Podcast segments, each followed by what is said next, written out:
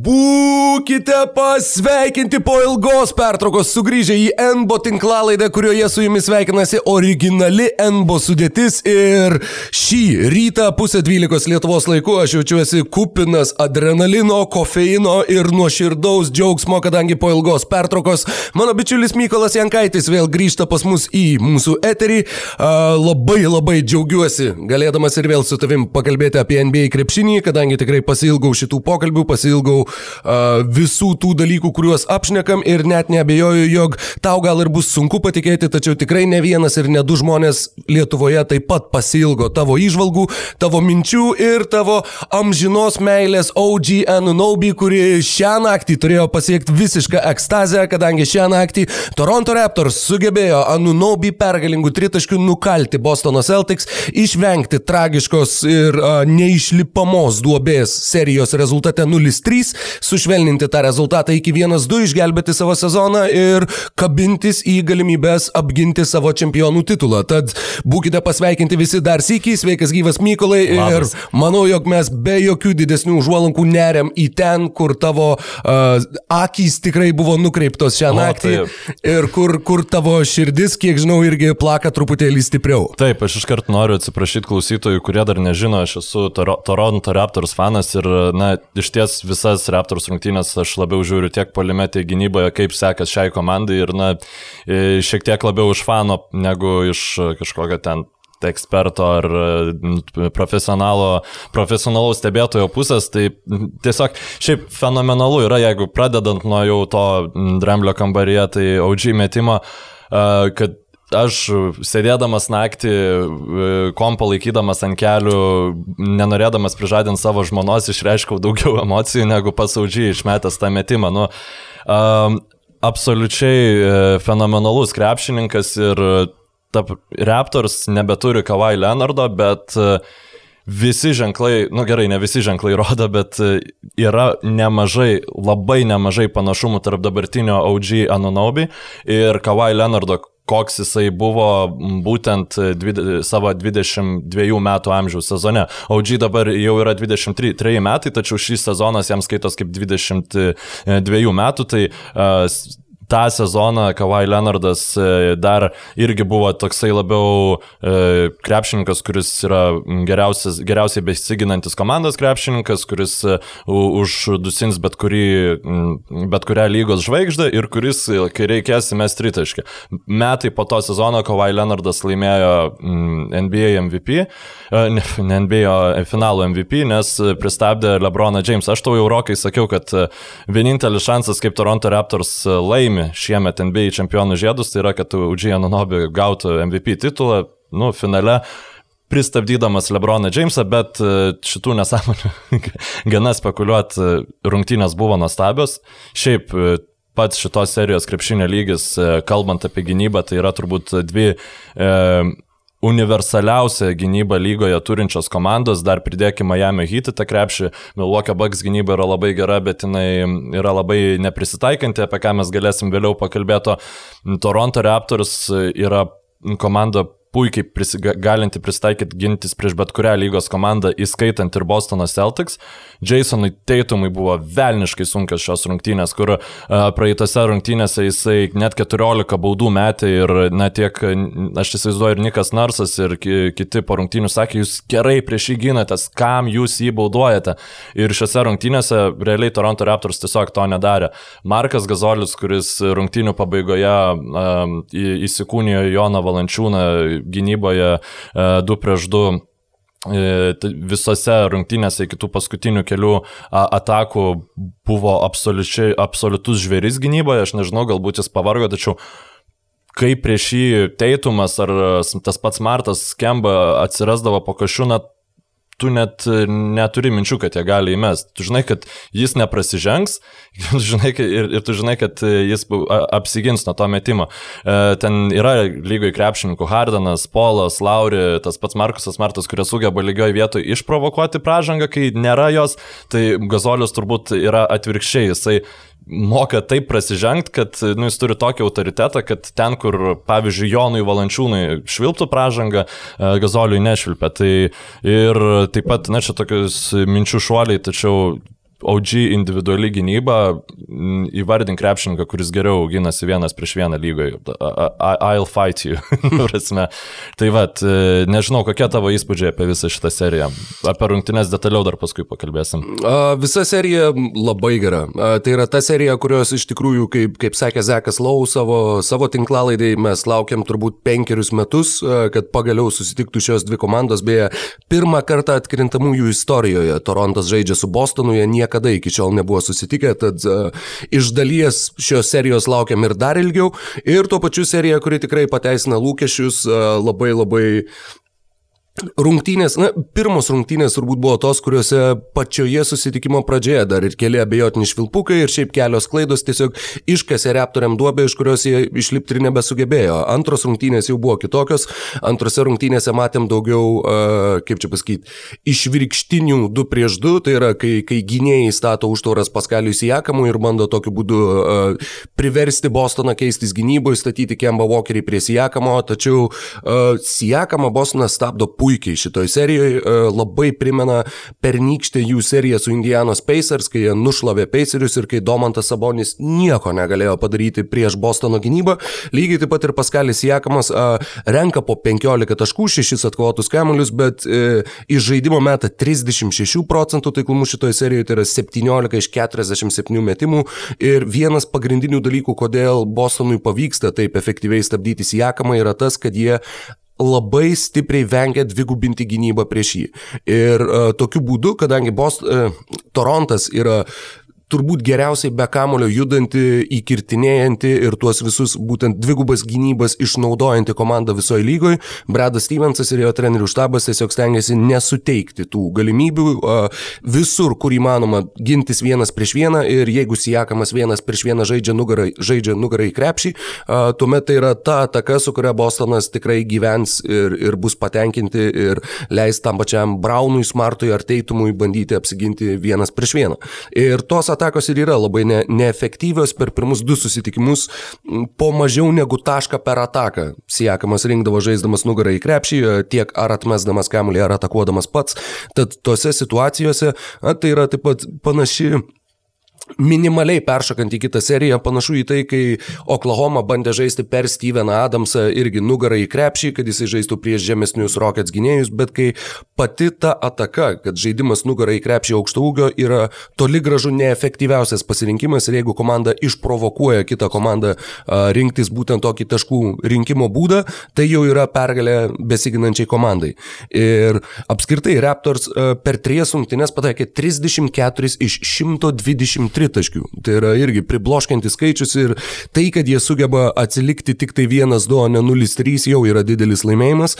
Ir manau, jog yra tų dar neišnaudotų resursų, yra, yra prisitaikymo galimybių, kurias e, Raptoriai gali panaudoti šitoj serijoje. Ir nepaisant to, kad jie pralaimėjo tuos pirmus du susitik susitikimus, jeigu šiandien reikėtų uh, spėti, kaip baigsis šitą seriją, aš vis vieną lieku prie savo uh, spėjimo prieš jos pradžią, jog Torontas žengs į, į rytų konferencijos finalą.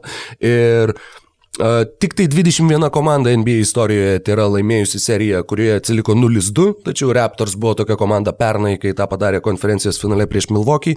Ir... O Celtics buvo Celtics užpernai, taip, kurie pralaimėjo prieš uh, Clevelandą. Pirmaudami 2-0. Taip, taip. Ir tuo pačiu Celtics pernai taip pat pirmavo prieš Milwaukee 1-0, bet tada subirėjo ir pralaimėjo ketverias rungtynės iš eilės. Dabar žinoma, ta situacija yra kitokia, ten jie turėjo ir į serijos galą jau beveik atvirai komanda sabota, sabotavusi Kairį Irvingą, kai Kemba Walkeris yra na, labai graži istorija šiame sezone ir labai džiugu matyti, kad jis yra sveikas, kad tas kelias, dėl kurio buvo šitiek pergyvenama, jam nesudaro problemų. Paskutinė Celtics ataka buvo fantastiška, tai kaip jisai absoliučiai. įveikė vienas, du, du žaidėjus ir atmetė, nežiūrėdamas į adresatą kamuolį Taisui, kuris įgrūdo iš viršaus likus pusiai sekundės. Apskritai, Kemba pirmą kartą savo karjeroje laimėjo atkrintamųjų seriją. Jisai su Šarlote dar nebuvo to padaręs. Per aštuonis sezonus pirmą kartą jisai nuėjo kažkur toliau negu pirmas atkrintamųjų etapas ir tiesiog, e, tiesiog džiugu matyti tokius kembos pasiekimus. E, dar vienas skaičius, tai kad, na ir skaičius ir faktas, Bostonas puikiai stabdo greitą Toronto polimą. Torontas buvo daugiausiai taškų greitame polime renkanti lygos komanda, o Bostonas savo ruoštų uh, aukoja polime atkovotus kamuolius, stengiasi visą laiką kuo operatyviau grįžti į gynybą, tiek Danielis Taisas, tiek uh, abu du, vos nepasakiau, broliai, ne broliai, bet abu du Williamsai. Uh, tad uh, tas, tas žaidybinis planas yra labai aiškus ir, ir labai ryškiai neša, neša naudą Bostonui, tačiau, kaip jau minėjau, manau, kad manau, kad uh, Torontas vis dar turi geresnės galimybės uh, laimėti šitą seriją. Plus, OG, tu dar uh, tą palyginimą su Kawai, kai sakai, OG Anunobi reakcija pataikius tą metimą tai. yra kavojiškiausias matytas dalykas, kurį padarė ne Kawai NBA lygoje per pastarosius daugybę metų, kur tiesiog e, ir po rungtynių, kai jo klausė, koks buvo jausmas, kaip čia tu čia pataikai tokį tris, it was cool. ir kad... mokyklai pataikęs panašių. ja, visiškai, visiškai taip pat, na, tas, tas stoiškumas labai atrodo, jog, na ir prieš tai Audžianų Naubi taip atrodė tas toks ne, neįtin emocionaliai išraiškingas krepšininkas, tačiau dabar atrodo, jog jis visiškai perėmė tą, tą savybę Žinok, iš Kawai. Ir prieštarausiu šitų, nes buvo, e, aš pamenu, anksčiau žiūrėdavau labai intensyviai tą e, Inside, uh, Inside the Gym, ar kaip, nu, žodžiu, Raptors dokumentika YouTube, kur yra, kurie jie pastovi filmuoja. Ir buvo ten, vad, po draftų, žodžiu, naujokų suvažiavimas visų ir ten jie tipo prisistatinėjo ir OG atsistojo ir, hi, my name's OG, I'm from Indiana. Ir tada jam ten sako, nu taip ten pasakyk, kaip ten, nu, nežinau, kaip tu laikais ten, kaip tavo, nu, nuotaikos well, I'm happy to be here. Žinai, viskas. Taip, va. E, šiaip e, prie Kembos norėjau sugrįžti, nu tiesiog pagalvokim, kiek geriau iš tikrųjų, nesakau, kad Walkeris yra individualiai geresnis krepšininkas už Irvingą, bet jis yra, nu, maksimum geresnis e, šitoj Bostono Celtics komandai, nes jisai ir to individualaus polimo arsenalo turi labai nemažai jo prasiveržimai, jo metimai padriblingo, žudantis šitose rungtynėse e, pirmo kėlinio gale, antro kėlinio gale įmetė tokius žudančius rytaškus, kur aš galvojau, nu, velnės, nu kaip atsities po to, nes ten e, buvo perima Raptors kamolį, jau toj sumažins berots iki dviejų taškų antram kilinį ir tada Fanflyto bauda, žinai, polime ir e, Kemba Walkeris Sirena įmeta ten iš 9 metrų tritaškį. Nu, neatsimenu, ar tiksliai pirmam ar, ar antram kilinį tas buvo, tačiau... Man e, atrodo, abu kilinukus jisai. Ta prasme, už, abu kilinukus buvo, bet tas dar prieš tai jisai baudą polime išprovokavo. Būtent tada jis nėra puikus gynyboje, bet jisai darys viską, ką pasakys Stevensas, jisai nedarys tokių nesąmonių kaip Irvingas sakęs, kad tuo aš čia pasimsiu Janį, aš jį apginsiu, nes pažiūrėkit, koks aš krūtas esu, nu, ir tada Janis jį sudaužo ir, ir viskas. Tai tiesiog tu žinai, kad e, esant Kemba Walkeriui aikšteliai komanda žais e, taip, kaip turėtų ir dar geriau, o ne kažkaip ten kitaip dėl jo avantūrų. Tai tas yra labai smagu. E, ir šiaip dar apie rungtinių pabaigą pakalbėkim šiek tiek prieš eidami į tą platesnį paveikslą. Žodžiu, Tai tas iš vis e, Bredas Stevensas, nu kaip jis tako folą išleido, tai paskutinę minutę nu, buvo, nu, kažkas tokio. Ir toks vaizdas, kad tako folas iš vis e, yra kažkoks stalius paimtas iš, e, nu, kad net nemoka žaisti krepšinio, čia ne, ne dėl to, kad aš taip manau, bet toks vaizdas, kad Celtics taip galvoja, nes ten e, Stevenso asistentas jam maždaug rodo, pat vad stovėk ištiesęs rankas taip į viršų, nu, tai, o, man atrodo, nu, turėtų žinoti jisai, kad ką jam buvo reikia. Buvo identiškai, dabar galvoju, prieš metus ar prieš porą metų, kai Bobana Marijanovič Mirotičių išleido lygiai taip pat ir lygiai taip pat jam visa komanda rodė, kad iškelk rankas tu ir daryk taip visai. jo, tada dar Williamsas pribėga, ei, ei, tako, šitaip daryk, žinai, jis toks, okei, okay, darysiu. ir Yra, įdomus kadras. Ir beje, jisai žaidė 0 minučių oficialiai taip, statistikos protokole ir, yra, ir turi minus 3 nuo, nuo plus minus. Yra rodiklį. statistika, kad e, jeigu per 48 minutės pavertus e, plus minus atako folą, tai jisai jos plus minus vidurkis šioje atkrintamųjų serijoje yra per 48 minutės minus 17 280 taškų. Nu tai vad. Uh, NBA moksliukų humoras, ja, la, labai geras skaičius, labai geras. Ir tada kaip iš vis visas šitas buvo įmanomas OG tritaškis, nes nelabai daug, va, ypač lietuvių, yra nepatenkintų, kad jisai įmetė tą tritaškį, nes nu, vis dar Jonas Valančiūnas ar ne nuoskauda yra juntama. Uh, burbule nėra ant aikštelės esančių sėdinių. E, taip pat nėra fotografų su kamerom ir panašiai, jie yra patraukti toliau. Ir dėl to krepšininkai, kuriuos gina, nu, tako folas, jie gali savo atsitraukti, kaip padarė Kailas Lauri ir išmest kamoliu aukštesnę trajektoriją. Tai leido Lauri sureaguoti ir išme, nu, atlikti absoliučiai tobulą perdavimą, aš net nežinau, ar pats Šarūnas Esikevičius būtų geresnį padaręs, nes jis ne tik, kad pasiekė Audžiano Nobį, e, jis pasiekė Audžiano Nobį taip idealiai, kad jam nereikėjo atlikti, kaip čia pasakyti, metimo pradžios. Jis jau e, metimo pusiaukeliai e, pasiekė kamolį ir leido jam jį išmesti per dar net liko šiek tiek laiko. Nu, ta prasme, ten tikrai nebuvo close call, e, ar, ar jis spėjo išmesti ar ne, ten aiškiai matęs, kad jis spėjo išmesti. Tai šiaip Kailas Lauri įspūdingas rungtynės turėjo, turint omeny, kad jam visiškai nekrenta šitoj serijoje ir aišku. 3 iš 23 taškų šitoj serijoje, Kailas Lauri. Tačiau pagaliau jisai kažkaip perlipo per save ir lyzdamas eidamas po krepšių jis nebebando išprovokuoti pražangos, nes suprato, kad jų teisėjai yra perpratę, nes e, atkreipkite dėmesį, šiaip jis visada įlyzdamas po košių jis įmeta savo korpusą į ten taisą dažniausiai ir tikisi, kad sušils pražangą. Ir reguliariam sezonė tai veikia, nes yra m, žymiai menkesnis skautingas atliekamas ir panašiai. Ir krepšininkai biškai labiau pasimauna ant to. Uh, dabar uh, Lauri pirmose, ypač pirmose rungtynėse tai matėsi, nu, toks žiūri, žinai, sėdi ranką už veido suėmęs, nu kaip, nu, tugi profesionalus krepšininkas. Ir aš galvau, kad jis jau to savyje nebeturi, bet šiandien jis krepšį atakavo labai nuostabiai, kas išryškina Bostono Celtics problemą. Na, nėra tai gerai lanką sauganti komanda ir man atrodo, kad Toronto Raptors neturėtų daugiau elementaraus 2 prieš 2 į apačią žaisti prieš juos.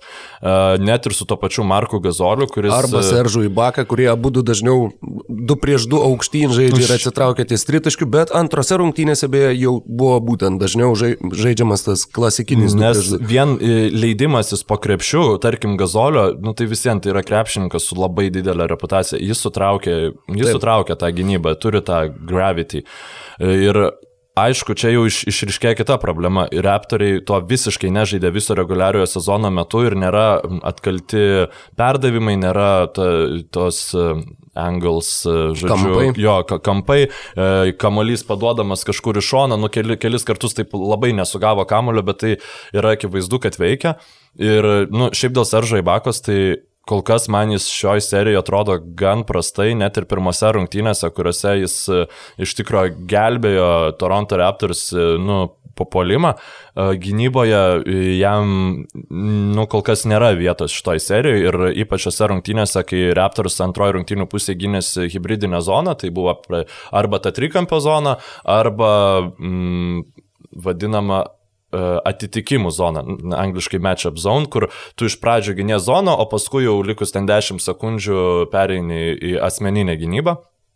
Tai e, su gazoliu ta gynyba atrodė neįveikiama, paskui išėjo į baką ir aš vis laukiau, kada grįž gazolis, kada grįž gazolis, nes e, į baką nu, vis būdavo pasimetęs tose situacijose. Tai aš jau nežinau, aš galvoju, kad e, gali būti, kad mes ir siekamą centrų pamatysim. Nes e, vienintelis dalykas, kas jam gaunasi gerai šito, šito atkrintamųjų serijoje, tai yra saugoti lanką. Žodžiu. Du dar tokie linksmėsni faktai prieš, prieš atsisveikinant su šitą seriją tam kartui. E, Freddy Van Vlytas pakilo į aštuntą vietą visų laikų daugiausiai atkrintamųjų varžybų rungtynėse taškų pelniusių Toronto Raptors klubo krepšininkų sąraše. Pasakai Toronto Raptors. Ne, aštuntą vietą, bet aštuntą vietą ir aplenkdamas Vincą Carterį. Man šitas skaičius buvo o ir tu pats to, faktas buvo. To nematai dabar prieš save, e, nes... Da, dabar ne, prieš savo akis. Būtų ne. įdomu paspėlioti kitus septynis. E, tačiau nepakviestas e, naujokų biržoj ir kažkaip tai žiūrint, na, yra labai daug tų žaidėjų būtent, kad tas nepakvietimas naujokų biržoj atrodo, kad užkuria kažkokią ugnį, bent jau daliai krepšininkų. Žinoma, tų nepakviestų yra tūkstančiai kasmet, na, šimtai kasmet. Bet Jonas Starksas, Benas Wallace'as, Radža Belas, Lugmansas Dortas, Terence'as Davisas, Duncanas Robinsonas, Kendrikas Nanas, Krisas Bušie, Danuelis Hausas, Derekas Jonesas, Brinas Forbesas, Aleksas Karuso, Kristijanas Vudas, Džekaras Samsonas, Maxi Kleberas, Kemas Birčas, Setas Kari, Matthew Delavedova, Danielis Taisas, visi tie nepakviesti krepšininkai turi būtent tą charakterio tvirtumą, net nežinau, kaip, kaip kitaip Taip, apibūdint. taip, taip. Ir, ir tai labai daug uh, Nes, nu, labai elementaru, į- įprastas žmogus, jisai kai jo nepakviečia į, nu, į NBA lygą, nu, jis, o, okei, okay, nu, aš netempiu to lygio, žinai, nuleidžia galvą krikščioniškai, atsuka kitą žandą ir eina kur nors į, į Europą, Kiniją ar, ar, ar panašiai, žinai, arba iš vis nebežaidžia krepšinio. Tam, kad nu, rast kelią atgal reikia be, beprotiško charakterio tvirtumo. Aišku, padeda, kad yra tokios komandos kaip Toronto Raptors, kurios tu- tuos tokius nepadraftintus krepšininkus tiesiog susirenka ir padaro iš jų. Ir kitas skaičius. Nikas Narsas, dirbdamas antrą sezoną Toronte, jau dabar turi tiek pat pergalių atkrintamosiose, kiek Dvainas Keisi. Tai 21 pergalę atkrintamosiose. Šiaip apie Niką Narsą, klausydamas e, Zako Lau podcast'o, įdomų faktą sužinau, kas yra jaunesnis, Nikas Narsas ar Maikas Braunas. Mm, neįsivaizduoju. Nu, ži- Maikas Braunas e, du metus, e, dviem metais yra jaunesnis už Niką Narsą, tai toks atrodo, kad, nu, Narsas neseniai į lygą atėjęs treneris, bet... e, Taip, taip, tikrųjų- kelias buvo labai labai ilgas. Jo, jo. Taip, a, kitos rungtynės, kurios vyko šiandien, manau, kad būtų taip visai, visai logiška Paminėt perėti būtent prie jų, taip bent jau kažką, kadangi ten labai daug ko kalbėti nėra ką, 23 taškų skirtumų Los Angeles Clippers sutalžė Denverio Nuggets, kurie uh, su kiekvienu kelinuku, pala, pirmame, man atrodo, pelnė 31, antrame gal 20, trečiame 16 ir ketvirtame žaidė atsarginiai. Tad komanda, kuri dar prieš dvi dienas te baigė savo septyniarių rungtynių seriją, žengė į, į, į mūšį su Clippers, kurie turėjo truputėlį daugiau polsio ir tas nuovargis buvo akivaizdus. Žiauriai Nepaisant to, jog uh, Frankas Vaugelis uh, mums įrašinėjant čia tinklalaidę ateinančią naktį Lakeriai pradės seriją su Rockets, uh, jisai sakė, jog pranašumą turi ta komanda, kuri neseniai žaidė septintas rungtynės, o ne ta, kuri ilsėjosi savaitę, kadangi išlaikyti tą kovingumą, plus dar atsižvelgiant į visą tai, kas, kas vyksta su uh, protestais, stabdymais, pratesimais ir panašiai, ir, ir tuo, kad visi yra burbulė ir visom tom aplinkybėm, jo manimu būtent uh, varžovai turi tą įsibėgėjimo ir inercijos pranašumą, bet Denveris tikrai, tikrai tokio vaizdo nesukūrė ir uh, Džemalas Murray, kuris metė po 32 beveik taškus uh, pirmoje serijoje su Juta, du kartus sumetė po 50, uh, sumetė 12 taškų, 5 iš 15 metimų ir čia yra vienas iš tų mm, aspektų, kurie manau, jog tikrai nulems šitos serijos greitą baigtį, tai yra tai, jog Džemalas Murray, kuris buvo neabejotinai svarbiausias ir ryškiausias Nuggets krepšininkas prieš Jazzus, uh, dabar susiduria su Kawhi Leonardu, su Patriku Beverly, su Paulu Georgiu, su kartais Ma Mar Markusu Morisu. Uh, tad yra visa eilė žaidėjų, kuriuos gali kliperiai rotuodami mesti ant varžovų pavojingiausio uh, perimetro žaidėjo ir tas, tas faktas va, labai ryškiai ir pasimatė būtent, būtent šitoje serijoje. E, Milstapas yra tas žaidėjas, kurį taip pat akcentavo ir tas pats Zekas Lau. E, prieš Jutos Jazz jo bendras plius minus visos serijos, e, tai yra kiek jam būnant aikštėje į pliusą arba į minusą ėjo Nuggets, buvo minus 45. Prieš Clippers pirmose rungtynėse buvo minus 16. Na, aišku, ten visi turėjo ten minus 20 ir Geriausiai, bet... startiniam penketui. nu, nu va, nu va. Bet uh, Na, tikrai labai labai silpnai atrodo Milsapas kol kas atkrintamosiose, jo polimo ir gynybos reitingų skirtumas yra minus 14, tai yra pirmas kartas jo karjeroje po 2012 metų atkrintamųjų, kai jis atstovaudamas Jutos Jazz 0-4 gavo nuo San Antonijaus Spurs, a, tad visiškai dingęs yra šitas krepšininkas ir viena frazė, kurią mačiau Dar porą skaičių. E, Prieš Jutą Denverio gynybos reitingas buvo 120,3 gynybos. Tai blogesnius turėjo tik tai beviltiškai atrodę Nets, kurie jau trečia rezervų komanda žaidė, ir antri nuo galo buvę Dallaso Mavericks, prieš kuriuos Clippers taip pat e, atakavo visiškai efektyviai, tad turėjo labai aukštą antrą aukščiausią polimo reitingą e, atkrintamosiose varžybose ir čia, čia taip pat tas Tas statistinis rodiklis, kuris neleidžia tikėtis labai didelio pavojaus, e, baudos aikšteliai kliperiai sumetė 66 taškus į Denverio krepšį, vienu metu buvo 16 iš 20 metimų baudos aikšteliai, čia maždaug trečio kilinuko viduryje, tad na, visiškai nieko negali padaryti saugodami krepšį Denverio žaidėjai ir tuo pačiu dar porą skaičių, dar porą skaičių, tiksliau dar vienas skaičius. E, Kawhi Leonardas septyneriose rungtynėse iš eilės renka bent po 29 taškus atkrintamosiose atkrintamosiose, jis yra pirmas tą padaręs žaidėjas nuo Michaelo Jordano 88. Wow. Ir labai e, komentaras, kurį, kurį radau Denverio ir galių forume ir kuris e, labai atspindi šitą situaciją. E, yra, tuoj, pabandysiu išversti, kadangi neišsiverčiau prieš tai. E, Va mūsų planas. Mes žaisim su gynybiniu penketuku, kuris neturi šansų apsiginti ir tuo pačiu neturėsim šansų patys pelnyti taškų. Ir taip ir atrodo su Polu Milsapu, su Tori Kregu, su žaidėjais, kurie... Grantu, jo. Taip, ri, riboti puolime ir turėtų geriau atrodyti gynyboje, tačiau gynyboje būtent ne, net stovi prieš Los Angeles Clippers, kurie jau va šitose rungtynėse jau atrodė kaip ta komanda, kuri yra favoritė laimėti NBA čempionų žiedus, kadangi dabar jau ta komanda ima veikti, ima įsibėgėti ir uh, palyginimui, kai Bostono Celtics laimėjo NBA čempionų titulą 2008 metais uh, su Doku Riversu ir, ir uh, taip, tuo pačiu treneriu ir tuo didžiuoju trejetu, kuris buvo surinktas tik tai prieš sezoną, Pirsas Alenas ir Garnetas, uh, jie atkrintamosiose pirmą seriją 3-4 berots laimėjo prieš Atlantą, tuomet irgi tik tai 4-3 laimėjo prieš, dabar jau nebepasakysiu, nepasakysiu ką, tačiau faktas, jog labai, lė, labai lietai įsibėgėjo atkrintamosiose, tačiau galiausiai pasiekė viską. Ir va šitas lėtas įsibėgėjimas ir turint omeny, jog Dokas Riversas yra buvęs tokioje situacijoje, žino, ką reiškia būti tokioje situacijoje, sakyčiau, jog yra, yra pavojaus ženklas visiems likusiems klubam, kadangi, na, žinoma, Nuggets buvo nusikalę ir, ir atrodė net fiziškai beveik bejėgiškai prieš Clippers, bet tuo pačiu tai yra ir, ir Clippers keliama grėsmė visai likusiai lygiai. Aš tai galvoju, kad Denverio Nuggets yra silpnesnė komanda negu Dallas Mavericks, e, būtent jo. E, atkrintamosiose ir ypač mm, akistatoje prieš Los Angeles Clippers, tai nėra nieko keisto, kad Clippers galbūt geriau atrodys.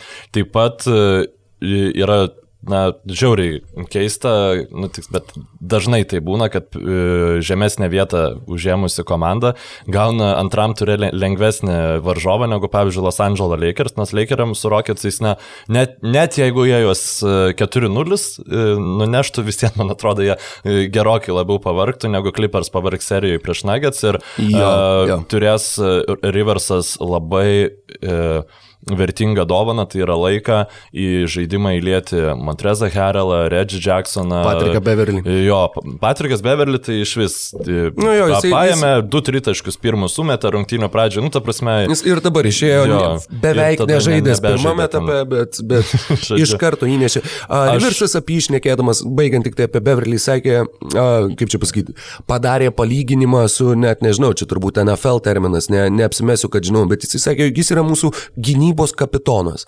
Tai yra tas žmogus, sako, mes turim labai daug gerai besiginančių krepšininkų, bet vienas dalykas, kuris sieja visus, yra tas, jog uh, visi yra labai tylūs aikštėje, o mhm. Patrikas Beverly yra tas, kuris dalina nurodymus ir, ir vadovauja komandos žaidimui gynyboje. Tad uh, būtent tas jo indėlis vyriausiojo trenerio manimų yra labai labai svarbus. Aš dar žiūrėdamas tas rungtynes, mm, supratau, nu, neapsimesiu, žiūrėjau pirmus du kelinius, nes uh, supratau, kad miegas yra vertingiau negu žiūrėti, uh, kaip klipas toliau. Manas, jo. uh, tai vienas dalykas, ką aš supratau, tai kad, na, Raptors neįsivaizduoju, kaip jie ištemps tas rungtynės prieš Celtics, nes tiesiog pasižiūrėjau, kaip žaidžia Kawhi Leonardas ir supratau, kad, nu, nu, žiauriai trūksta tokio žmogaus Toronto Raptors komandai. Tiesiog visas e, Clippers polimas gali būti, darai kažkokį derinį, ne, nepavyksta duodi kavai kamuolį, jis Jis be, jo. prieš bet ką, bet kaip gali išmesti metimą, kuris bus 50 procentų, kad e, pasieks krepšį. Ta prasme, kuris bus geras metimas. Ir tokių, e, tokių krepšininkų, aš manau, šiaip Celtics turi daugiau, tai yra Kemba ir Teitumas, o e, Raptors neturi ne vieno. Tai nu, čia tiesiog dar sugrįžtant šiek tiek prie tos serijos, įdomi statistika iš tų pirmųjų Clippers ir Nuggets rungtynių. Tikro pataikymo procentas, true shooting percentage. Markusas Morisas vyresnysis fiksavo 90 procentų true shooting pataikymą. Tai jis metė 4 iš 5 tritaškus ir bendrai 7 iš 10 metimų. Kawhi Leonardas išmetė 16 metimų tose rungtynėse procentas, e, tikrasis pataikymo 81,6 procento. Tai yra na, nerealų skaičiai, aišku, prieš tokią gynybą kaip Nuggets juos ga, gali fiksuoti, tačiau, e, na, Re, realiau, kad tokie skaičiai būtų užfiksuoti, tačiau ne, labai labai įspūdingo talento ne tik gynybai, bet ir polime komandai ir ne, finalas vakarų bus tikrai įdomus, kad ir prieš ką ten jie bežaistų, na turbūt prieš ką, prieš ką žais jo. Ir noriu dar kažką ties šiom rungtynėm pasakyti, ar ties... Kalbant dar paskutinis tik tai faktas apie tai, kad šita komanda pagaliau įsibėgėja, yra tai, jog e, Šiame sezone Clippers startinių penketukų skirtingų turėjo 33. Tad grinai, jie tiesiog nėra susižaidę pilnai kaip komanda, bet jie tą daro dabar. Dar juo labiau gavę tokį varžovą kaip Nuggets, jie tikrai turi visas Taip. galimybės tą, tą pasidaryti ir leisti savo netgi, nežinau, apšaudyti va, tokius visokius heralus, kurie galbūt įt, įtemptesnėse rungtynėse galbūt liktų ant suolo, tačiau dabar turi, turi visas galimybės pavalgyti, pasisotinti ir atsiminti, koks yra tasai žaidimo ritmas. Man atrodo, dar Clippers būtinai reikia duoda daugiau minučių penketui, kur Džamaiklas Grinas žaistų centru, nes tiesiog įsivaizduoju, kad e, ateinančiose, atsiprašau, dviejose serijose to gali reikėti kur kas labiau negu Heralo, nes Herelas palime, mes žinom, ką jisai duoda, galbūt uh, yra tikrai labai e, gero aukšto lygio krepšininkas, tačiau gynyboje, na, aš neįsivaizduoju jo žaidžiančio nei prieš Lakers, nei, nei prieš Rockets, nei uh, prieš bet kokią realiai komandą finale, kuri iš rytų konferencijos ateitų, tai manau, kad... Prieš atsakymas... Lakers ar jeigu, jeigu Lakers žaidžia aukštais penketukais, tai Zerelas, manau, kad ne, ne, negali gintis prieš aukštus krepšininkus. Na, aš ne, nesutinku. Ivica Zubačas e, puikiausiai, labai geras lankos sergėtojas, bet aš negalėčiau vardinti vieno, ne vieno dalyko, ką Herelas e, gynyboje daro geriau negu vidutiniškai. Galbūt uh, garsiai kovoja, nežinau. Šitą tikrai nu, nėra geras krepšininkas e, toje pusėje. Kalbant apie gerą gynybą, galbūt e, metas judėti prie kitos serijos. Aš dar, dar, dar, dar, dar norėjau. Ne, dar ne. Ne, galvojau, kad mes prieš tai aptarsim uh, pabaigą bent jau serijos Oklahomos prieš Houstoną. Taip, tikrai reikėtų. A, taip, ir kalbant apie gerą gynybą, Jamesas Hardenas. Niekada Westbrookas. gyvenime, niekada gyvenime ne vienas iš mūsų tikrai nesitikėjom, jog kalbėsim apie tai, kaip Hardeno gynyba ištraukė Houstono Rockets atkrintamųjų varžybų serijoje, bet, na, ypač atsimenant, kaip jis atrodė prieš trejus, prieš ketverius metus, kur visi interneto memai ir buvo apie Hardeno Matadoro gynybą, kur aš neva pakėliau ranką, kai bėgo pro mane pro šalį, bet iš tikrųjų net nepajudėjau iš vietos ir dabar tas skirtumas tikrai, tikrai yra kaip diena ir naktis. Ir jeigu jisai prieš tai jau, sakykime, netgi praeitam sezone buvo tų akimirkų, kur, kur matydavai, kad būtent kai varžovas žaidžia nugarą į krepšį, kad ir aukšto ūgis, Hardenas ginasi stulbinančiai gerai, tai dabar ta gynyba, kaip matėm, netgi gali ir ištraukti ir ginantis ne tik prieš aukšto ūgius ir tuo pačiu, kaip tu ir sakėjai, manų žinobilio bloko Hardenui aidai nuėjo per, na, ratilai per, per vandens paviršių, kai Hardenas sugebėjo tą patį padaryti ir, ir nužudyti varžovus šitoje serijoje. Nemažiau spūdingas buvo tas šuolis e, išvengti kamulio. Mm -hmm. po, po bloko, kur neįsivaizduoju, kaip greitai tavo, nu čia jau turbūt impulsai veikia pas tokio lygio Re refleksai. Jo refleksai, kur tiesiog, wow, tu padarai nesveiką bloką ir, nu, kitas ten jau šoktų džiaugtis, o, o nu, Hardanas irgi šoka tik tai tam, kad išvengtų kamulio pereinančio, na, tiesiai, tiesiai į kojas. Tai labai, labai smagu buvo tą matyti ir taip pat labai smagu buvo matyti atsigavusi Russellą Westbrooką tose rungtynėse, kuris buvo geriausias e, Rockets krepšininkas. Na, to, to, tame mače galbūt galima dar ginčytis, gal Covingtonas, e, e, Covingtonui galima lipdyti tą etiketę. Tačiau uh, Russellas Westbrookas atpažino uh, šitą derinį, kurį, kurį jam Donovanas braižė ne vieną ir ne du kartus žaidžiant už Oklahoma. Oklahoma City Thunder ir jis būtent jį išardė. Jis atkirto Galinarį nuo kamulio, paskui Adams atkirto nuo kamulio paskutinę minutę. Tai verčia kvestionuoti tas žmogus, kuris gavo antrą vietą e, tre, metų trenerio balsavime. Na, ar Donovanas taip neįvertino Russelo Westbrooko, ar jis tiesiog yra toks nekūrybiškas, kad jis nieko geriau ne, nesugebėjo sugalvoti po e, minutinės pertraukėlės, negu daryti tą patį derinį, kuri, kuris jau net e, visi internetai žino, nes Russellas Westbrookas e, tuo savo e, tam MVP sezone prieš Denverio Nuggets e, įmetė būtent po to derinio tą įspūdingą tritaškį. Tai, na, m, šiek tiek e, esu nusivylęs būtent e, tuo aspektu. Ir dar vienas dalykas, uh, Oklahomos ta jau beveik paskutinė ataka, kai Dortas galiausiai išmeta tritaškį ir jį blokuoja Hardenas, kamuolys ten nesuvaikščiojo, kamuolys galbūt turėjo būti Kriso Polo rankose, galbūt to paties Galinarina, patikėti paskutinį metimą Lugvensui Dortui, tai buvo iš, iš, iš chaoso gimusi situacija. Donovanas turėjo dvi minutės per traukelės tuo metu. Ir tos pertraukėlės, kai matai, kad viskas yra va būtent, kad derinys išmaišytas, niekas nebeaišku, kas vyksta. Taip, ir kažkodėl tai taip to padaryta nebuvo, bet žinoma, protingi mes čia, žinai, sėdėti ir kalbėti, ką galėjo padaryti antras geriausias šio sezono NBA treneris. Uh, Truputį skaičių, tai Oklahoma prieš Houstoną atkovojo vidutiniškai po 49,9 kamulio per rungtynes, nors komandos tikrai nežaidė aukštų tempų. Reguliariam sezone Oklahoma buvo 23 pagal atkovotus kamuolius, atkovodavo 7 mažiau, o su tokiu skaičiumi, kokį fiksavo prieš Rockets, būtų buvę antrai po Milwaukee Bucks. Žaidžiant prieš Lakers, kai ta kova dėl kamolių, na jeigu, jeigu Thunder turi, na gerai, turi pakankamai aukštus gynėjus, tą patį šiai Gildžisą Aleksandrį, kuris savo poziciją yra geras kovotojas dėl atšokusių kamolių, bet Los Angeles Lakers, na, turėtų susirinkti tų kamolių turbūt virš 50 vidutiniškai serijoje kiekvienose rungtynėse ir tai yra a, taip pat pavojaus ženklas. Ir vienas įdomus faktas, jog taip, e, pagal žaidimo tempą reguliariam sezone Oklahoma buvo 21, Rockets buvo vidutiniškai 104 su trupučiu atakos per rungtynės, jie buvo antri po Bucks. Ir tai yra, kaip pasikeitė žaidimas su Westbrooku, nes pernai 2018-2019 metų sezone, kuris dabar jau atrodo, kad buvo mažiausiai prieš trejus metus, uh, jie buvo 27, jie buvo viena iš keturių lėčiausiai žaidžiančių komandų. Tačiau būtent tas po pozicinė revoliucija, visų aukšto ūgių atsisakymas ir tuo pačiu siekis kuo labiau išlaisvinti Russellą Westbrooką parodo, jog sugebėjo visgi D'Antoni pakeisti tą savo žaidimo filosofiją, atsižvelgiant būtent į žaidimo tempą, kurio kontrastas yra na, tiesiog milžiniškas. Retai pavyksta matyti tokius skaičius, išskyrus uh, Sacramento Kings, kai vieną sezoną buvo lėčiausiai, kitą sezoną žaidė greičiausiai mes su Deivu Jėgeriu, bet Kings. ne, mes neturime apie Kings kalbėti, bet tiesiog buvo dar didesnis kontrastas tik vieną kartą per pasaruosius penkerius metus kaip minimum.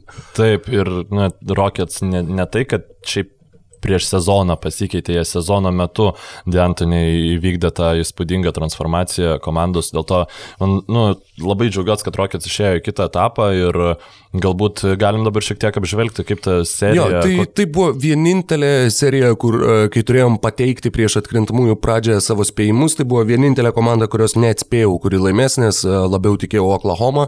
Galvojau, jog Kriso Polo tiesiog istorija turėtų kažkaip sužaisti šitoje situacijoje ir, sakykime, kinematografiškai ir dramaturgiškai Kriso Polo pergalė prieš Hardeną ir Westbrooką būtų buvęs toks, na, atrodė kaip kažkas, kas yra tiek nelogiška, kad net netgi visai logiška, bet jau būtent septintų rungtynių metu žiūrėjau tas rungtynės ir galvojau, kad velniai nematė tų spėjimų, labiau norėčiau, kad laimėtų Rockets vien dėl to, kad labiau norėčiau pamatyti, kaip būtent Rockets žaidžia prieš Los Angeles Lakers.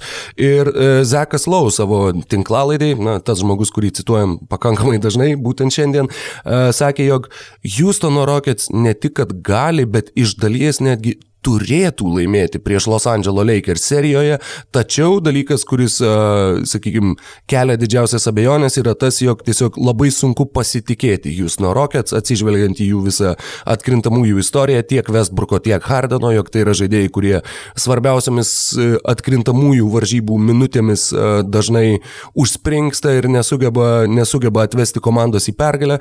Tad būtent šitas klausimas yra jo manimų pagrindinis ir pagrindinė abejonė, bet ar pritartum tokiai pozicijai, jog... Kad turėtų laimėti, tai tikrai ne. Nu, tu prasme, mm, Davisas ir Jamesas yra mm, mano nuomonė, geresni krepšininkai negu e, bent jau playoffams, arba tarpusavį jų tandemas tikrai yra geresnis negu Hardeno ir Westbrooko, ženkliai geresnis. E, viskas atsiriamė į tuos tritaškus. Aš nebejoju, kad Rockets tas žemas penketas jisai gynyboje atstovės ir Lakers bus sunku pelnyti taškus, jie juos užknis iki negalėjimo.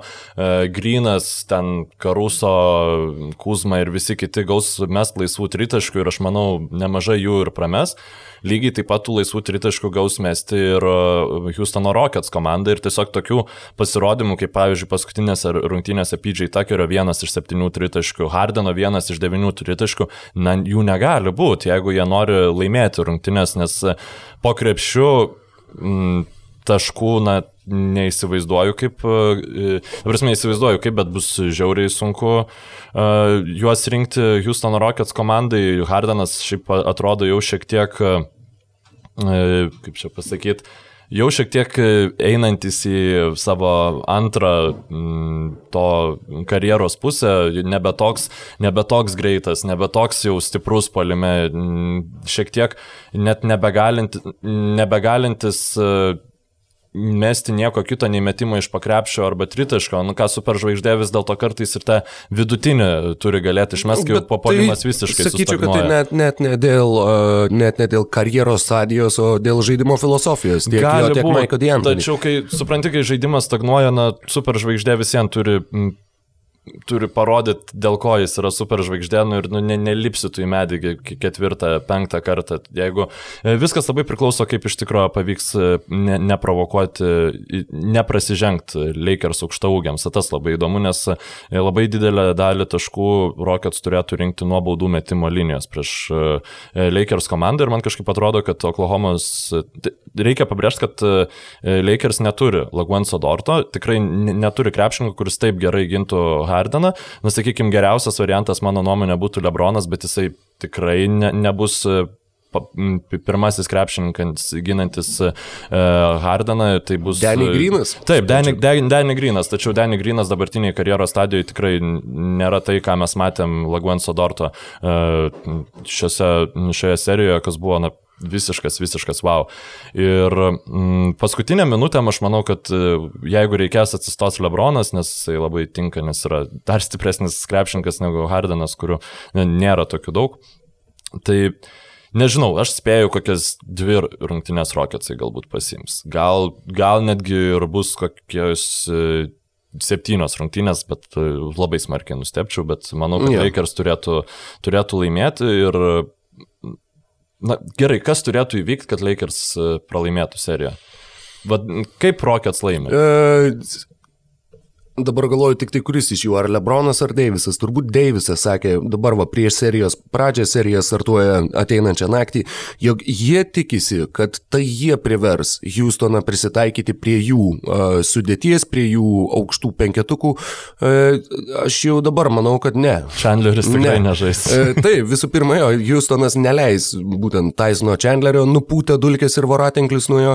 Ir uh, iš kitos pusės, manau, jog Anthony Deivisas galiausiai galiausiai vis viena turės žaisti kaip vienas aukštaūgis aikštėje, nors jis uh, labai nemėgsta to daryti, bet tai yra, mano manimu, ta pergalinga formulė.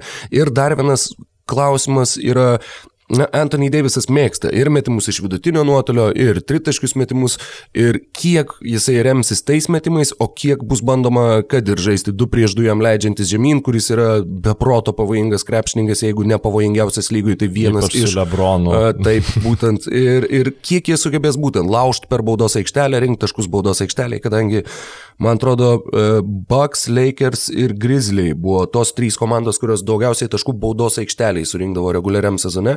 Tad būtent šitas klausimas bus labai įdomus. E, atkovoti kamoliai, kiek antrų šansų sugebės prisidaryti Lakeriai su, su savo didesniu penketuku. Ir žinoma, jūs nuo tritaškių taiklumas. Taip pat yra, na, ta komanda, kuri kai krenta gali laimėti prieš bet ką, kai nekrenta gali pralaimėti prieš bet ką. Tad būtent tas 4-2, galbūt, galbūt 4-3, jeigu trejose rungtynėse pakris Houstonui. Čia būtų, nu, sun, man tai sunku įsivaizduoti. Man irgi, aš kažkaip. Septynių rungtynių serija. Penkerių, šešerių atrodo, atrodo labiau tikėtina. Aišku, ką lengva įsivaizduoti, tai labai lengva įsivaizduoti, kaip um, Deivisas gauna kamolį, na, į, į šiek tiek arčiau baudos aikštelės prieš e, PJ Tuckerį ir bando žaisti nugarą ir jam niekada nesigauna, nes nu, tiesiog e, Davisas man irgi atrodo kaip toks krepšininkas, kuris žiauriai nemėgsta žemesnių e, prie, prieš save žmonių ir tokių e, tvirto sudėjimo, jau geriau žaistų prieš Valančiūną, Davisą, o ne, ne Davisą Adamsą, ar nu, mm. kažką tokio kalibro. Na, gal Terensą. Bet, Terensas, jo, manau, kad Terensas Davisas jam irgi patiktų.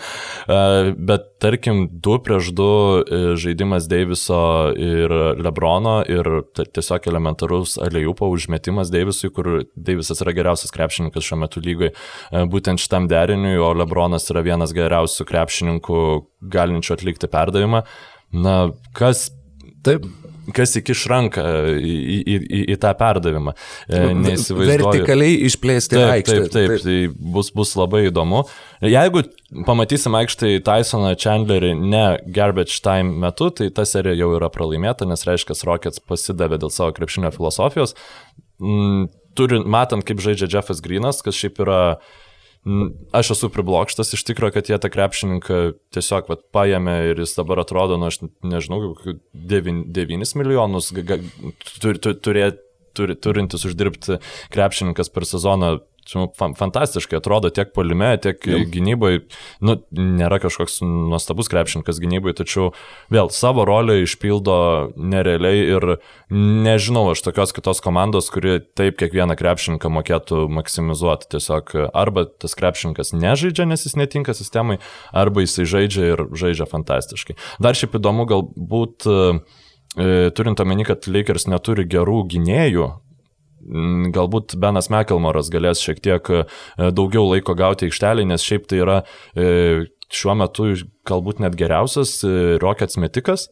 Ir mm, jis prieš Thunder nežaidė dėl to, kad nu, tiesiog Polas Šriuderis ar Aleksandris jį labai mm, lengvai išnaudodavo, Galbūt e, prieš Lakers tai būtų irgi variantas tiesiog. E, ne, tai nei, nei Rondo, nei Karuso, nei, nežinau, nebent Dionas Veitarsas arba J.R. Smithas staiga atsimintų, jo, kaip, kaip žaisti aišku, krepšinį vienas prieš vieną. Turint omeny, kad m, turint e, aikštelį Mekelmorą labai jau reikia ne tik keistis gynybai, bet tų pre-switch daryti, kur tu matai, kad jau nori susikeisti, ten Lebronas, sakykime, su krepšininku, kurį, uh, kurį gina Mekelmoras ir tada Mekelmorą jau ves prie kito, žodžiu, kas gali išbalansuoti gynybą, o turint omeny, kad Lebronas yra geriausiai asistuojantis krepšininkas lygui šiuo metu, tai, tai, tai gali būti labai lengvai iš, išnaudojama. Kai pagalvoju, nuo 2011 metų Lebronas nėra pralaimėjęs atkrintamosiose iki finalo. Pernai tiesiog nebuvo atkrintamosiose, tačiau kad atkrintamosiose kažkas jį išmestų iki finalo, Tai pastarąjį kartą tai buvo prieš dešimtmetį. Tai yra toks, kur kažkaip tiesiog pagalvojau apie šitą faktą ir pagalvojau, wow. Nu jo, nu, kontekstas aišku yra rytų konferencija tuo metu, kur būdavo maksimum viena ar mm, Lebrono kalibro komanda per, per du sezonus, ten ar tai Bulls atsirasdavo, ar tai Pacers paskui, bet, bet taip, tai yra visiškai įspūdinga ir, na, finalo serijos mes dar dabar nespėliosim, nes dar, dar to laiko yra, tačiau Rockets turėtų išmėginti Lakers galimybės ir parodyti jų minusus labai ryškiai. Nu, pasižiūrėsim, kaip bus. Na, nuo 1984 metų, kai NBA atsirado būtent 16 komandų atkrintamųjų varžybų formatas, tik tai keturios pirmą vietą turėjusios komandos pradėjo savo serijas pirmame arba antrame etape rezultatu 0-2. Tai yra 1993 serijoje iki trijų pergalių Phoenixas sugebėjo išlipti po 0-2 ir laimėti 3-2 ir žengti į pusfinalį. Ir Bostono Celtics 2-17-0-2 atsilikinėjo prieš Chicago's Bulls, kurie buvo 8 vieta. Ir Ražonas Rondo gavo traumą, tuo metu žaidęs už Bulls ir Bostonas laimėjo likusius keturis susitikimus. 2018 e, Torontas sausai gavo nuo Clevelando Cavaliers. Tai yra ketvirtasis kartas istorijoje, tai yra kai Milwaukee Bucks 0-2 atsilieka nuo Miami Heat uh, konferencijos pusfinalyje. Taip, na, Rokai, dideli, dideli aplaudismentai tau dėl pasitikėjimo Miami Heat komandai. Aš tiesiog galvau, kad neturi Miami Heat tiek opcijų polime, kad galėtų tiesiog, kad Milwaukee Bucks turi daugiau individualiai pajėgių krepšininkų palime negu Miami Heat. Pasirodo, mm, ne, klydau. Ir dar labai klydau ir pervertinau, na, vieną geriausių lygos trenerių. E, nežinau. Vieną geriausių reguliariojo sezono trenerių. Taip, taip, kuo toliau, tuo labiau reikia pridėti prie Maiko Budenholzerio pavardės šį epitetą, kol jis je, neįrodė priešingai. Taip, kas... jeigu šitoje serijoje jie pralaimėtų, tai Budenholzeris jau faktiškai nukristų į tą Dveino Keisį kategoriją, kur reguliariam sezone mes kaip ir viršijam lūkesčius, ar bent jau juos pateisinam, bet atkrintamosiose metai iš metų tas pats per tą patį ir vėl, ir vėl, ir vėl nusivylimai. Tas pats buvo ir su Atlanta, kai jie laimėjo 60 pergalių, kai vadovavo Budenholzeris 15 metais ir jie šiaip netaip perlipo Vašingtoną sezoną, kur Jonas Wallas žaidė su sulaužyta ranka ir tada gavo nuo Clevelando absoliučiai beviltiškai jo. konferencijos finale. Aišku, lengviau yra pateisinti Atlantos Hawks, kur žaidžia, nu, tiesiog tokia, žinai, keturi all-starai. Jo, ši, ši, širdžių komanda, šir, kur nėra, nu, individualiai žiauriai stipraus krepšininko, žinai, nu, Jeffas Tygas, pagrindinis kamulio valdytojas ten. E, Horfordas, Milsapas, Korveris. Ir gal, Kerolas. Jo, ir Kerolas.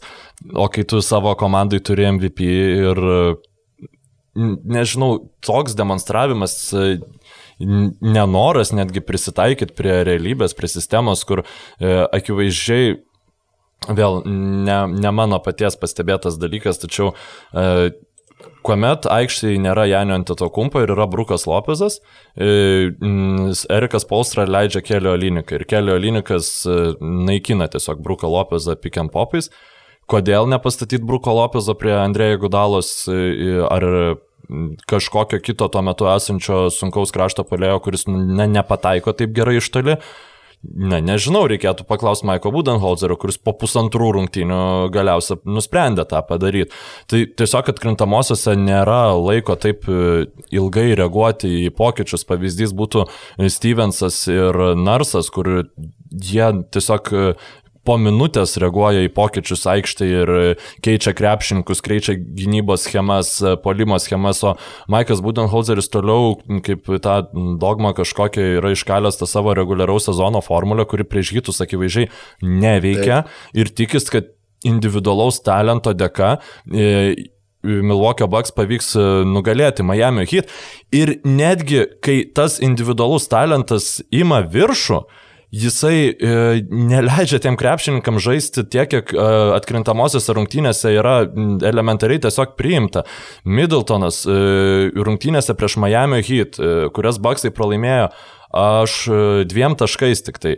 Jis turėjo plus minus 18 rodiklį Ir tai jisai žaidė 18. Taip, taip, plus, taip, taip. Nu, plus minus plus 18, plus, plus 18. Taip. Ir jis žaidė 33 minutės.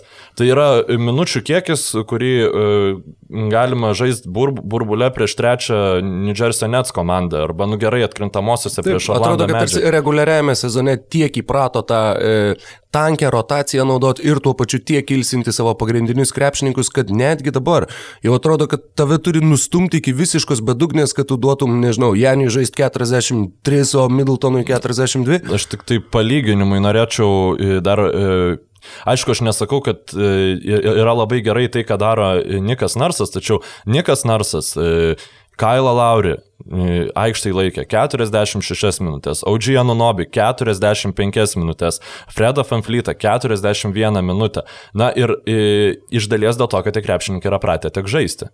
E, Milwaukee Bucks krepšininkai nėra pratę tiek žaisti reguliariojo sezono metu ir galbūt dabar Budenholzeriui yra, na, normaliai baisu, kad jie nesusidoro su tokiu fiziniu krūviu, galbūt prasidės kažkokios iš ankstinės traumos ir tiesiog tu dabar e, jis yra užsidaręs į kažkokį užburtą ratą, kur... Jis pats save į kampą, taip.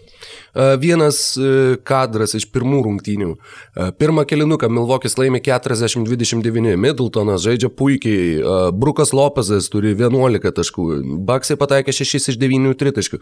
Tose rungtynėse tiesa nebuvo Bledsoe, nes jis buvo trumuotas ir pirmas praleido. Antro kilinuko pradžia.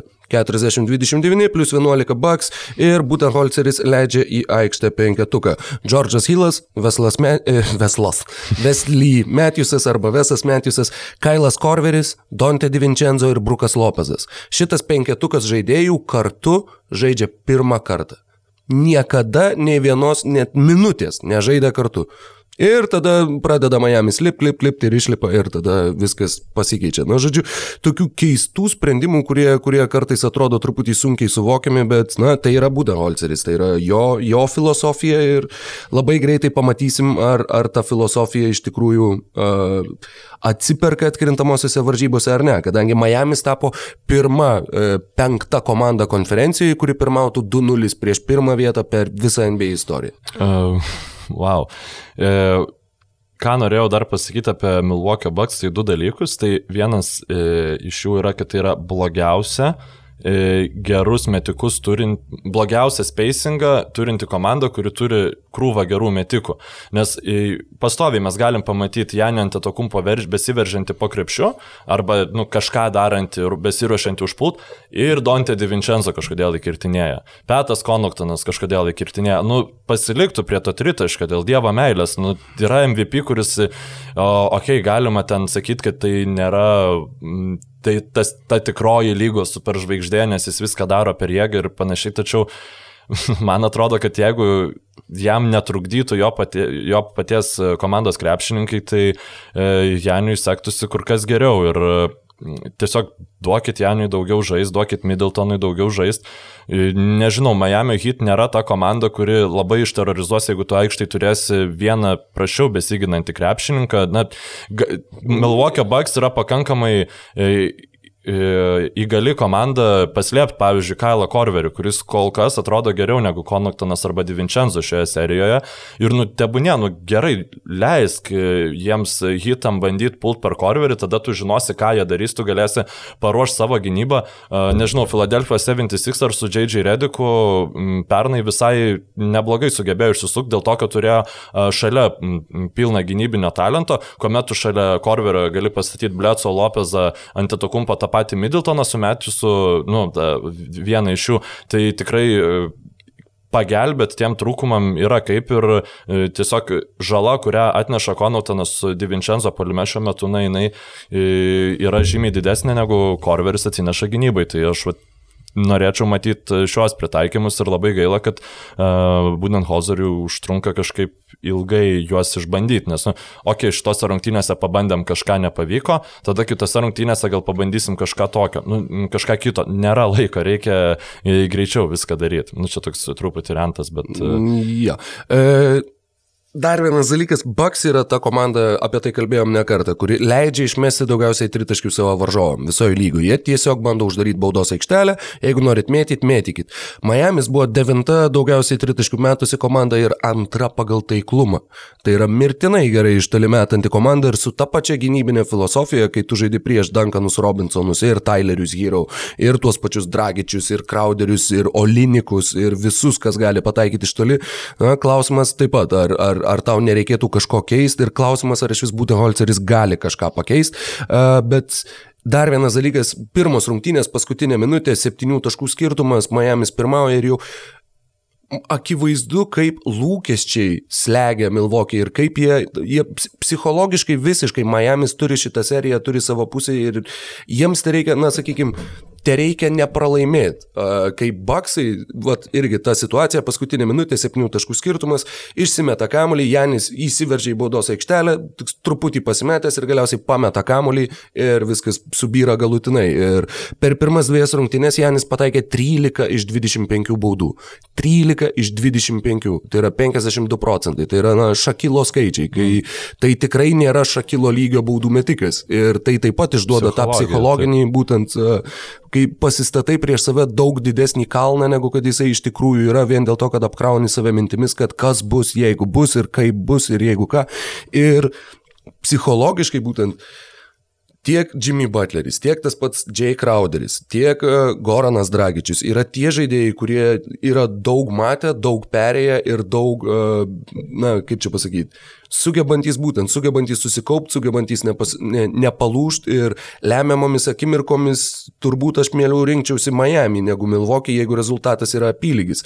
Ir šitą seriją plus įrodo dar kartą ir Uh, nežinau, dabar visi kalbam apie Luką Dončičių ir be abejo, ir tos, tos ketvirtos rungtynės prieš Clippers buvo nu, turbūt gražiausias individualus šedevras, kokį aš mačiau per labai ilgą laiką. Bet Goranas Dragičius, yra sumautai nuostabus krepšininkas ir šiuose atkrintamosiose jisai tą įrodinėja tik dar labiau. Ir na, galų gale primena, primena va tą, kaip jisai atrodė Slovenijos rinktiniai 2017, kai jie tapo čempionais. Ir Dragičius šešeriose atkrintamųjų varžybų rungtynėse iš eilės sumetė po bent 20 taškų. Tai yra 12 toks kartas Miami Heat istorijoje, 6 tokius turėjo Veidas, 5 turėjo Lebronas, 1 turi Goranas Dragičius. Uh, tad, na, sakau, jis ir puolime, ir gynyboje. Tai yra tas žaidėjas, kur uh, Jeigu stebint Dončičių ir tuos, tą, tą, tą jo šou prieš Clippers, tu, tu stebėsi tais individualiais sugebėjimais ir metimais ir tuo paskutiniu metimu galų gale, kuris tai buvo va, tas vienas metimas, kur kad ir, kad ir veiksmas vyksta naktį, bet kur negalėjau tiesiog nepašokti nuo ekrano ir nepradėti rėkti ir bėgioti be tikslo po kambarį dėl to, kad tu suvoki, kad tu matai kažką fantastiško. Goranas Dragičius yra tas žmogus, kur uh, jį stebėdamas uh, vat, kažkurias rungtynės, antras, man atrodo, kai žiūrėjau, specialiai žiūrėjau ir bandžiau vat, atrast, prie ko prikipti e, sprendimų prieimimo atžvilgių. Jis visada priims teisingą sprendimą, jis visada padarys vat, tą, tą, ką reikia padaryti. Ir tai yra e, labai didelės vertės krepšininkas būtent, būtent dabar. Klausimas, kaip jis atrodys kitame sezone, kadangi žaidėjų kiek? 34. Jisai po, po antrų rungtynių sakė, I'm 34 years old, I feel awesome. E, ir tikrai awesome yra ir jį stebėti. Jeigu pirmas rungtynės rungtynės buvo Jimmy Butlerio tas toks vienas ugnikalnių išsiveržimas, kuris irgi darė viską, ką norėjo, bet kaip, kaip norėjo, per Middletoną, per visus, per ką nori.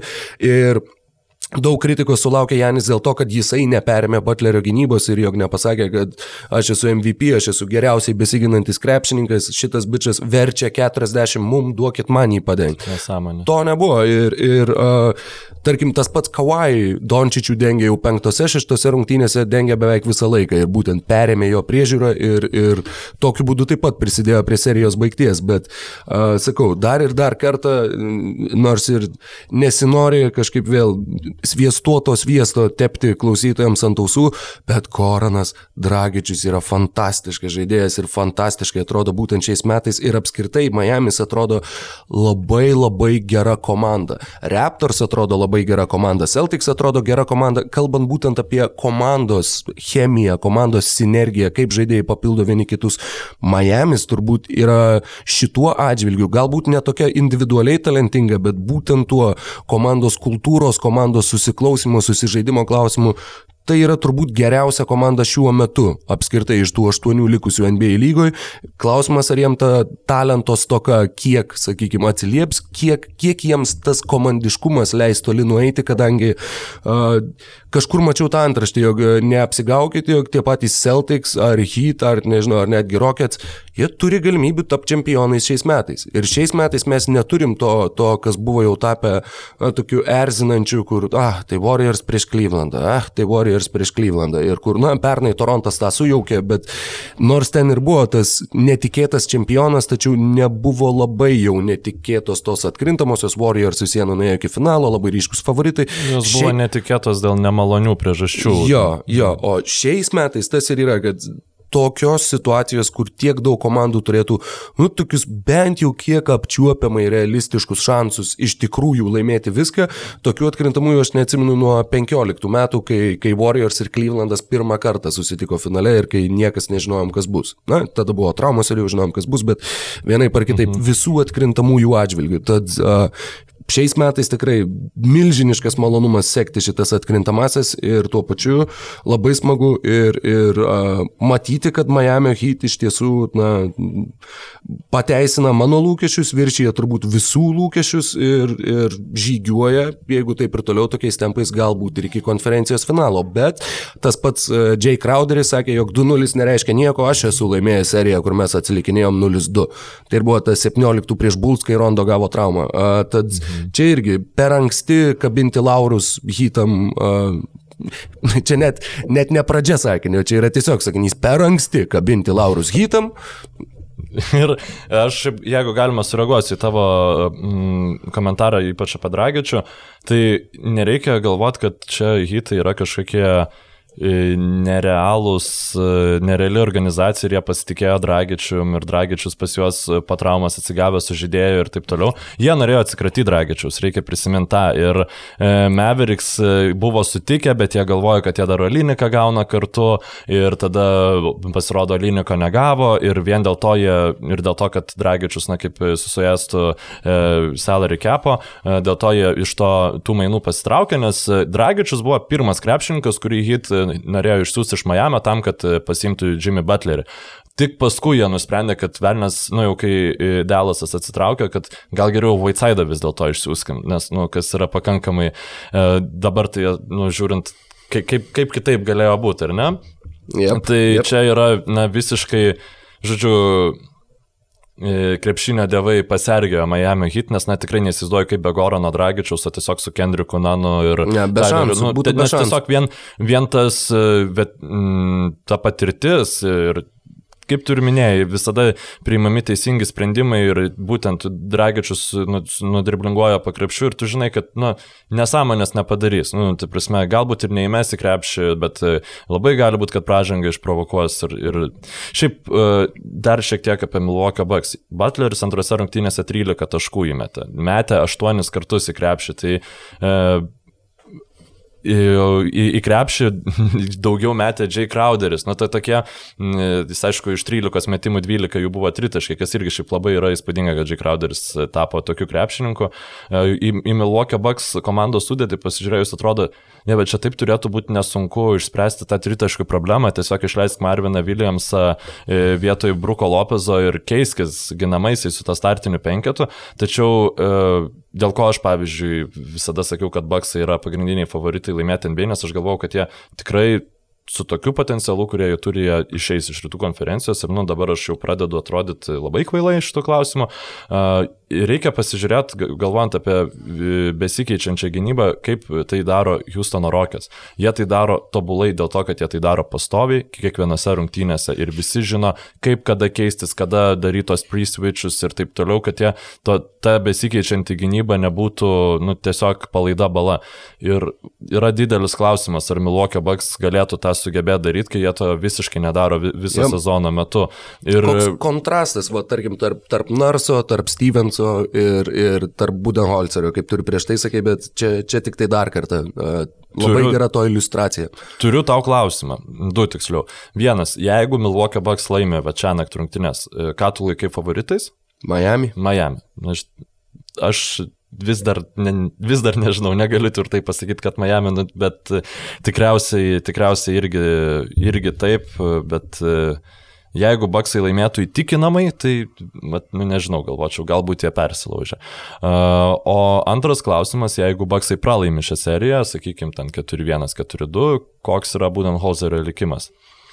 E, aš manau, kad turbūt, kad jie turėtų visgi mest lauk. Nes jeigu tu ir vėl nenueini ten, e, iki kur tu norėjai nueiti, ir vėl nepateisini lūkesčių, na, pernai tu bent jau nuėjai iki konferencijos finalo ir tu pralaimėjai būsimiem čempionam. Ir tenai taip pat buvo, uh, tu pirmavai 2-0 ir trečiose rungtynėse žaidėjai pratesimą, tu buvai taip arti to, bet visgi kažko tai pritrūko. Šiuo atveju, jeigu tu pralaimėjai Miami, kuris tikrai nebuvo, na, sakykime, plačiųjų masių laikomas favoritais žaisti konferencijos finale, tai, na, tau reikia kažką daryti ir tokiu atveju dažniausiai tai ir yra. Tas, tas sprendimas, ką daryti, yra tiesiog keisti vyriausiai treneriai. Ir nenustepčiau, jeigu Maikas Budenholzeris būtų atleistas, kadangi plus Janio paskutiniai metai, 20-21 ir kontraktas baigia galioti kit, kitą vasarą, ar kada be bus tas kitas tarp sezoninis kitą rudenį, ar, ar na, ta situacija, kaip žinom, yra tokia, kad žinot kažką yra labai, labai sunku.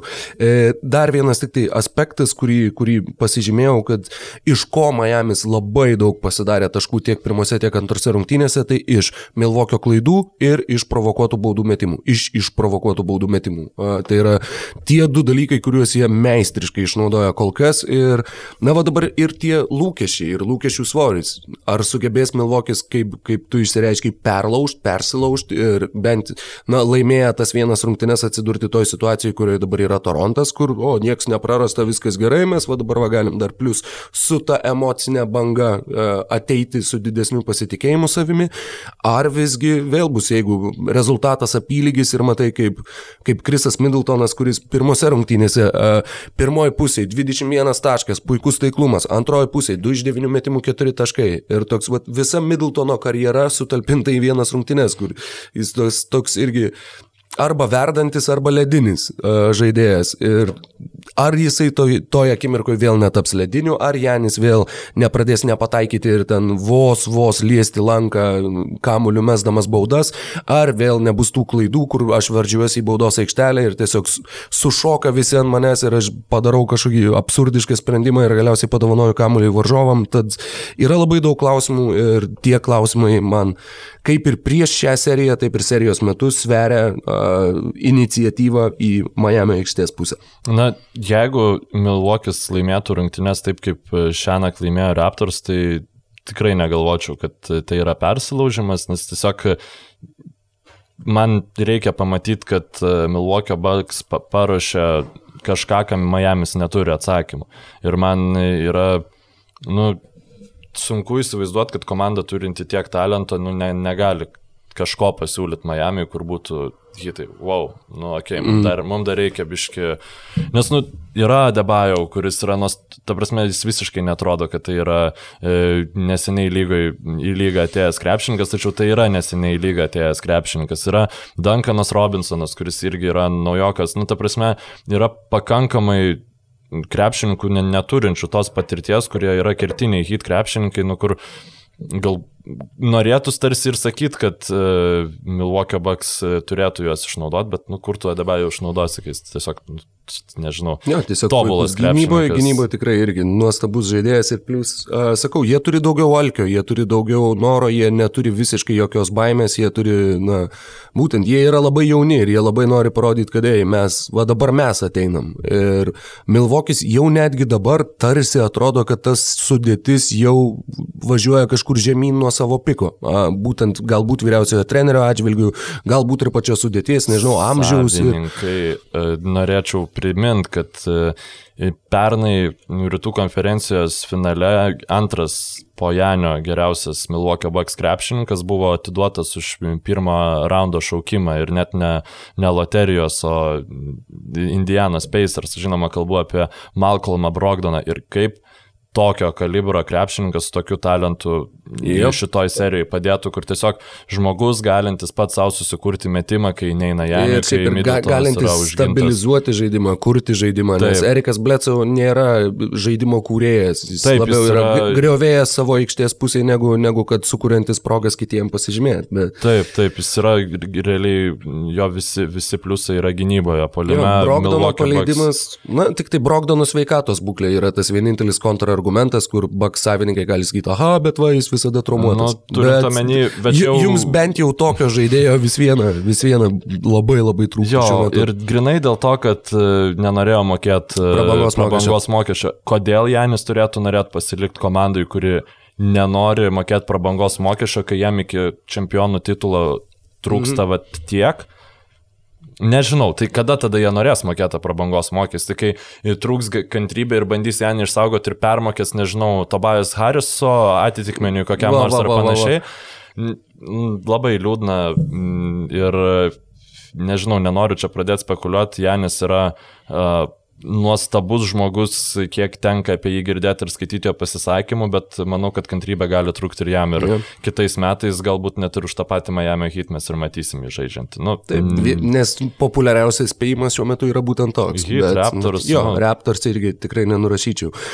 Viena dar pabaigai, e, nors yra dar e, naujienų vyriausių trenerių fronte, Bullsai pagaliau atra, atleido Jimą Boylaną, jei, e, Pacers atleido Neitą Macmillaną, e, Nets pasisamdė Steve'ą Nešą, tačiau visus šituos dalykus dar galėsim aptarti ir, ir vėliau, jie, sakykime, savo, Niekur savo nedings. aktualumo nepraras. Taip, e, vienintelė paskutinė detalė yra kurią pasižymėjau būtent irgi Miami Milvokio rungtynių metu, tai kaip Stenas Vangandy, kuris iš tikrųjų man labai patinka, kaip jisai Na. dirba ir kaip jisai uh, pateikia visą informaciją, kaip ją interpretuoja.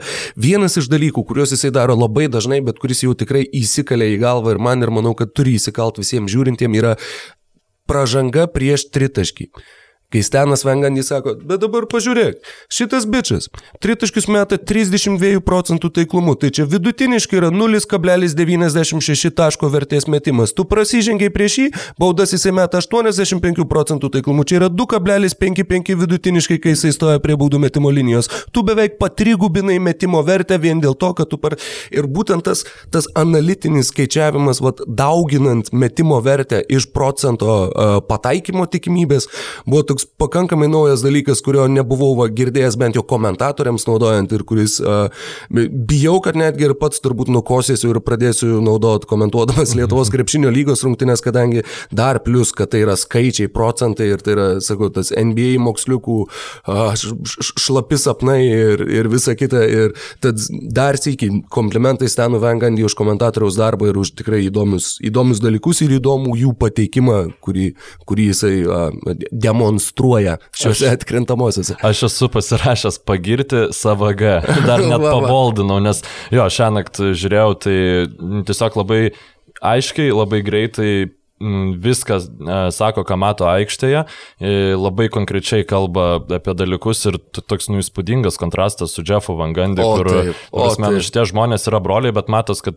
kada Čia Jeffas... Schwarzeneggeris ir Devito tam senam filme, kurie buvo dviniai ir Schwarzeneggeris buvo labai geras, o Devito buvo labai prastas. Tai šiuo atveju komentatorių uh, būdelėse, nežinau kaip vyriausiai treneriai, galbūt būtų, Na, gal net apsiverstų, žinai. Vangandi treniravo iki labai neseniai, o...